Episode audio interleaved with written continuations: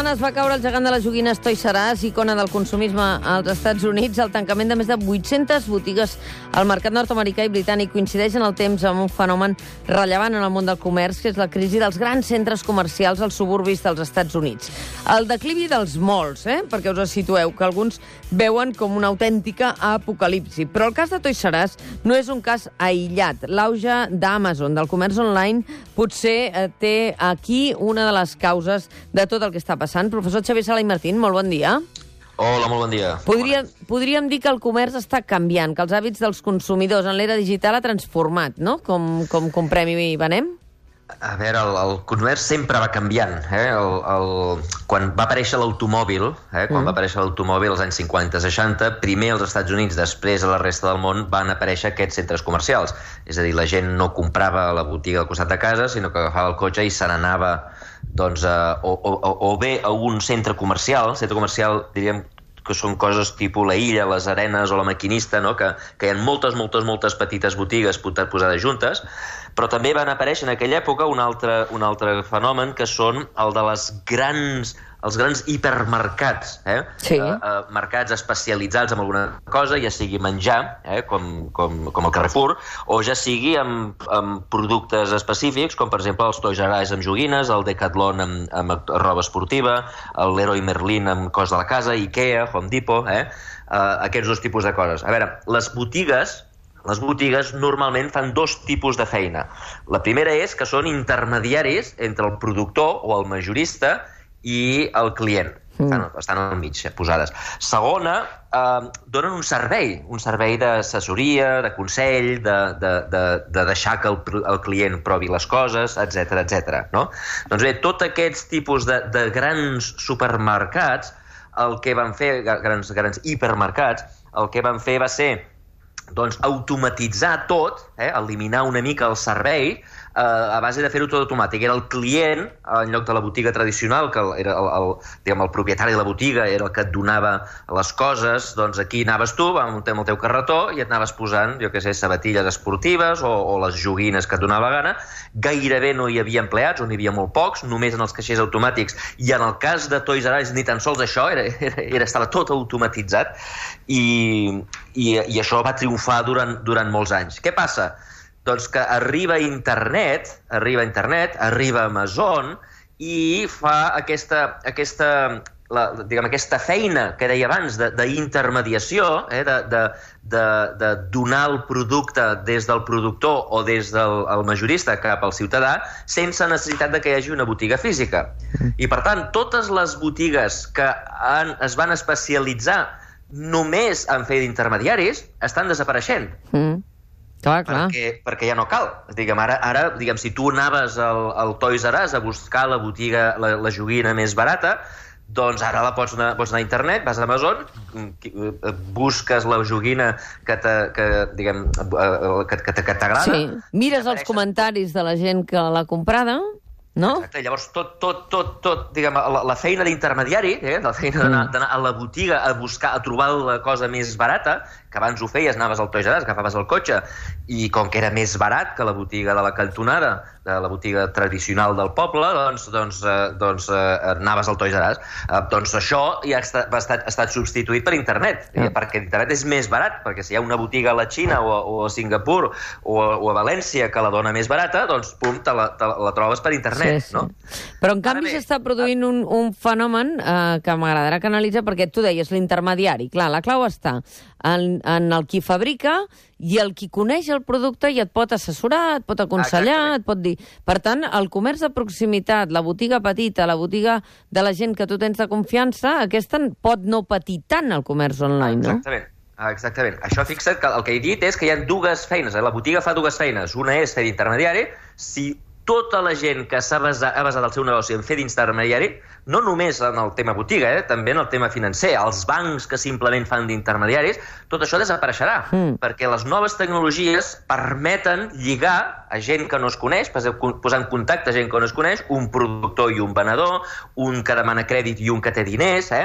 Uh, les noves tecnologies permeten que es desintermediï l'economia. Tothom que viu de la intermediació i només de la intermediació acabarà desapareixent El Toys R Us és, el primer, és un dels primers exemples, però tot mm. això anirà més. Ara bé, la segona feina que tu deies, aquesta no. O sigui, molta gent va a les botigues no per trobar la cosa més barata, sinó per buscar assessorament. I això passa amb coses que tradicionalment eren d'internet, per exemple, Apple. Mm. Les botigues d'Apple estan a tope. A vessar, sí, per, sí. Per què estan a tope? Per què estan? Doncs perquè la gent va allà a mirar el producte, a tocar-lo, a jugar, eh? I, i per tant, el, el, diguem, la feina de uh, uh, assessorament, de servei, de, de, de, de deixar que la gent vegi el producte, tot això seguirà. I, per tant, les botigues que s'especialitzen en donar aquest tipus de serveis, aquestes no només sobreviuran, sinó que, eh, que, que, que, que, que triomfaran. Eh? Uh -huh. uh, per, per exemple, jo tinc una experiència, jo sabeu que tinc un, un fill de dos anys i mig. Sí, amb uh, Max. El Max, doncs, el, doncs quan va néixer vaig anar uh, al Toys R Us no? a buscar, jo què sé, al, departament de bebès, a buscar doncs el cotxet, el, el, la banyera, tot el que buscar amb els nadons, no? Uh, I escolta, és que no hi havia ningú. O sigui, vaig arribar jo, vaig arribar jo amb la, amb la, amb la Sílvia, vam intentar uh, que alguns assessorés, que ens digués quin tipus de cotxet és millor, la seguretat, la banyera, no? I, I no hi havia ningú, només hi havia uh, màquines per cobrar, no hi havia treballadors, Uh, I vam marxar horroritzats, vam anar a una botiga tradicional, segurament ens va costar més, però ens vam, ens vam assabentar de quin tipus de coses havien de comprar, quina era la qualitat, etc etc. Ara, ara que el, el Max ja té dos anys i mig, escolta, ens passem el dia a l'imaginàrium. Mm, clar, clar, clar. Per què anem a l'imaginàrium? Doncs perquè el Max va jugar, es tira allà una hora jugant amb això, amb això, i, i amb això aprenem, gràcies a que el tenim allà jugant, tocant les coses, doncs eh, sabem el que li agrada i el que no li agrada. Yeah. I, per tant, quan comprem una joguina i l'acabem comprant en el mateix Imaginarium, perquè ens, estan, ens, estat deixant, ens han deixat estar allà jugant eh, durant una hora, sí, sí. doncs l'experimentació eh, ens permet a nosaltres saber quin tipus de joguina li agrada al Max. No anem a comprar les joguines online perquè no sabem ben bé quina li agradarà. Eh? Per tant, el, el resum d'això és que el, el, el comerç per internet fins i tot amb les empreses electròniques com Apple, mm. doncs acabaran, acabaran, acabarà diguem, combinant-se amb mm. botigues eh, eh, físiques. I, de fet, Amazon mateix acaba de comprar una cadena de supermercats eh, als Estats Units que mm. bàsicament el que fan és, és doncs, tenir presència física. Eh? Mm. Els reis de, la, de, la, de, les, de les botigues online, que són Amazon, ells també saben de la importància de les botigues físiques. Ara bé, la competència, les petites botigues de Catalunya, el que han de fer és entendre que el, les dues coses que ells fan, una d'elles desapareixerà i aquells que visquin només de ser intermediaris moriran, eh, i per tant el que hauran de fer és especialitzar-se o enfatitzar la part de servei que donen al client que els grans magatzems, ni, ni els grans magatzems ni internet eh, poden acabar donant. Per això, eh, cada vegada doncs, es busquen més venedors especialitzats i més gent que tracti amb molta empatia i amb molta dedicació als clients dels comerços petits, perquè si al final no et fan cas, dius, bueno, doncs, jo per entrar aquí eh, més m'estimo comprar-ho a través de la xarxa que vaig més ràpid, diguéssim, no? Mira, els, els, gen, els genis de, de l'Apple, eh, sí. tu quan, quan arribes a Apple, el primer que trobes és una persona que et sí. diu, eh, està allà a la porta i et diu, escolta, tu què vols d'això? T'envia cap aquí, t'envia cap allà Eh? No et deixes uh, sol al mig de la botiga dient miri, miri, ja s'ho ja farà vostè, no? Estic exacte, només vigilant que no desaparegui la roba o que no desapareguin exacte. els pots. Uh, escolta, deixa'm canviar de tema, perquè uh, dilluns t'espero en el programa especial que farem de Sant Jordi. A primera hora, abans no et posis a signar uh, a tot arreu, perquè deveu, deveu tenir els escriptors i, uh, i els que escriu, escriviu llibres aquells dies teniu moltes cites, però et faré venir ben d'hora al matí per comentar una mica l'actualitat i aquest dia de Sant Jordi, que és un dia meravellós. Tu has estat signant per Sant Jordi moltes vegades. Tu passes bé, no? Sí, eh? home, a mi m'agrada el, el contacte amb la gent i el, el... Més que signar, signar fa patir una mica, eh? Perquè, clar, tu tens una hora i tens allà una cua de gent i, i veus que hi haurà molta gent que no podràs acabar signant. I, per mm. tant, a mi això em fa, em fa acabar em fa patir, uh, yeah. perquè clar, so, són gent que es passa allà al matí esperant, esperant, esperant, i després al final no pot signar. Uh, i, però, però diguem, el contacte amb la gent, la gent ve i t'explica coses, mm. et diu uh, si li ha agradat el llibre, molts ja l'han llegit, i uh, tot això sí que m'agrada. El contacte amb el lector. En aquest llibre teu, uh, com que parles de les uh, sistemes econòmics inclusius i extractius, en un dius que uh, en els extractius és quan les elites, uh, diguem, extrauen, per això s'utilitza aquesta paraula, tot el que poden dels ciutadans. I jo pensava, tota aquesta història dels màsters, els títols, eh, aquestes elites que eh, progressen eh, d'acord amb el que els hi assenyala doncs, segurament eh, el mateix sistema, eh? de dir, com més títols tens i com més poses al currículum, més possibilitats tens d'arribar a determinats nivells de poder, um, té a veure amb, amb, amb com castiguem o renunciem o dimitim o uh, s'estructura, diguéssim, la nostra relació en casos com aquest? Perquè l'altre dia, quan vam sentir Cristina Cifuentes senzillament renunciant al màster, vam pensar, home, aquesta és una qüestió que en un altre país és una dimissió immediata, no? Sí, i, i a més, jo crec que és un, un insult als altres estudiants que sí que han treballat, mm diguem, que, que, que, que, que no han fet un màster en quatre dies o que no han fet un màster allò simplement obligant el, el, el rector a signar un document, uh, sinó que és un, un, un insult a, a la gent que ens dediquem a l'educació. Eh? Per què? Doncs perquè eh, ens dona la idea de que aquesta gent, que són els que manen, que són els que fan les lleis, que són els que al final decideixen fins i tot si te'n vas a la presó o no te'n vas a la presó, uh, diguem, uh, no donen cap mena d'importància a l'educació. Fixa't que, fixa't que, què vol dir renunciar a un màster? És que, a veure, és si que no tu tens pot... una... Si tu tens una, una, un màster, diguem, eh, el màster fa, fa dues coses, o, o si, no, no si tens un màster. Si tu vas a estudiar un màster, o una carrera, o un doctorat, eh, hi ha dos components. El primer és que al final et donen un paperet. Mm. Però el segon és que tu has après coses. Clar. Que és la clau, bàsicament. Exactament. Sí. O sigui, qualsevol persona intel·ligent, qualsevol persona decent, decent, eh, diguem, eh, gasta calés en el seu fill o la seva filla perquè vagin a fer un màster, perquè aprendrà, no, no perquè li comprarà un títol com si fos... Com si fos a pes. Com si, com si fos un roba. quilo de pomes.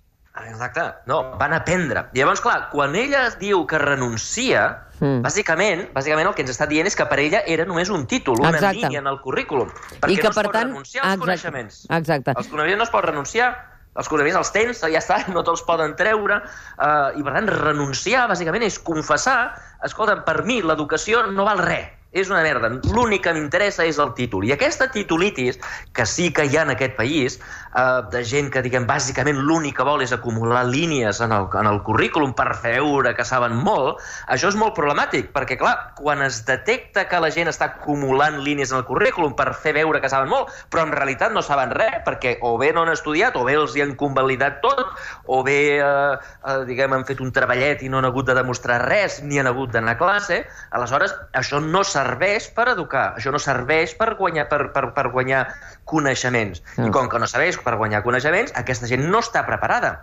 Clar, eh? uh, I, I deixa'm dir una altra cosa, pitjor mm. encara. Entens? Això ha sortit a tota la premsa mundial. Jo estic en els comitès d'admissió, jo fa 25 anys que estic al comitè d'admissions de la Universitat de Colúmbia. Mm. Eh? Això vol dir que els sol·licitants de tot el món, i més o menys els números per mi, diguem, per nosaltres, al Departament d'Economia de Colúmbia, ja és que nosaltres agafem a, dos, a, a 22 estudiants mm. dels 2.000 que ens sol·liciten. Eh? Mm. Uh, òbviament, moltes d'aquestes sol·licituds venen de llocs que coneixem bé, Eh? Quan ve un currículum de Harvard jo sé interpretar bé, però n'hi ha molts que tens dubtes, no? Quan ve un senyor que té matrícules d'honor de la Universitat de Zàmbia, mm. ostres, no ho sé com, si això és molt bo és molt bo. No sé si podrà sobreviure al nostre màster, que és molt difícil, no? I, per tant, eh, diguem, ho poses en dubte. A veure, doncs ara, arran d'aquestes notícies, quan un professor de Colúmbia o de Harvard o de qualsevol lloc vegi un currículum espanyol, espanyol, no de la Juan Carlos, no, espanyol, dirà, ostres, aquests no són aquell país que els màsters es compren? Aquest no és aquell país que de 22 assignatures te'n convaliden 18? Què vol dir aquest màster? Aquest senyor que en ve un màster de l'Autònoma de Barcelona, què vol dir? Clar, els senyors de l'Autònoma de Barcelona han treballat moltíssim per aconseguir... No, no, això ens fa, no, ens fa mal a totes les universitats públiques i Exacte. privades, a totes. Exacte. A totes. Estarà posat en dubte, estarà qüestionat Aquest senyor que té un màster de l'Autònoma de Barcelona, què vol dir aquest màster? Clar, els professors que analitzen això no ho saben, però han sentit les notícies. Sí, sí. Oh, Espanya, ui, ui, ui. Cuidado. No. Això es va passar, per exemple, fa uns anys va sortir la notícia de que Corea eh, els, els, hi ha- un examen per entrar a les universitats americanes que es diu GRE, que és un examen que ha de fer tots els estudiants del món, el mateix, el mateix examen, diguem, per poder comparar, eh, i va sortir les notícies que Corea havien copiat. Doncs escolta'm, tots els estudiants de Corea durant un parell d'anys van estar discriminats. Van dir, escolta'm, Corea no, perquè aquestes Clar. notes no ens les podem creure. Clar. Aquesta qüestió eh, que, que és especialment greu, perquè es tracta en aquest cas d'una universitat pública, la Universitat Rei Juan Carlos de Madrid, clar, si al final es resol amb que cessen el director del màster, o ell plega, que és el cas que ha passat amb aquest cas de Cristina Cifuentes, i els rectors de les universitats públiques d'aquest país no reaccionen de manera contundent amb el rectorat de la Rei Juan Carlos, això s'estén com una ca- taca d'oli, perquè la lectura que s'envia cap a l'exterior, com molt bé deies, i que arribarà a la Colúmbia o a on sigui, és eh, que, que no s'ha resolt aquest tema. Exactament, exactament. I a mi, a mi eh, està molt, m'agrada molt que treguis el tema dels rectors, perquè a mi el que m'ha faltat és la resposta contundent dels rectors. O sigui, s'ha de donar un missatge al món eh, de que, diguem, clarament eh, els màsters de les altres universitats són coses serioses i això només ho poden fer els rectors. Uh, són coses serioses, eh, la gent ha treballat, aquí no es convaliden. Escolta, jo, jo he estudiat, jo tinc un doctorat a Harvard, Mm. uh, i, i, i escolta'm, quan entres ja pots tenir 15 màsters, ja pots ser el tio més llest del món, el més, el tio més llest de la Xina, el, el, el tio que ha estudiat més de tot França. Eh? Quan tu arribes a Harvard, uh, tots han de fer les mateixes assignatures les han de tornar a fer. Oh, jo l'he fet, jo no, no, no es convalida res. Eh? Sí que hi ha una cosa que es diu placement exams, eh? si tu et creus tan llest, doncs pots fer els exàmens abans de començar l'assignatura, Mhm. i si la proves, doncs no cal que la facis, però hi ha un fenomen fantàstic, que és que ningú ho fa. Que tothom vol aprendre. Perquè, ah, exactament. Perquè Per què? tothom vol aprendre. Perquè anem a aprendre, anem a aprendre, no anem a comprar un títol, anem a Exactament. aprendre. Exactament. Aquesta és la clau. Eh, Jo penso que aquesta reflexió que feia el professor Salai Martín, tant del paper dels rectors com de aprendre, que per això anem a la universitat, no pels títols, és uh, una de les reflexions que, que li ha mancat en aquest debat al voltant del màster de Cristina Cifuentes i per, uh, i per acumulació la de la resta. Per tant, li agraïm molt a Xavier Salai Martín avui en aquest informe que hagi compartit aquestes reflexions amb nosaltres. Moltes gràcies, ens veiem dilluns, el dia de Sant Jordi, a bon matí. Aquí estaré. Una abraçada ben forta, gràcies.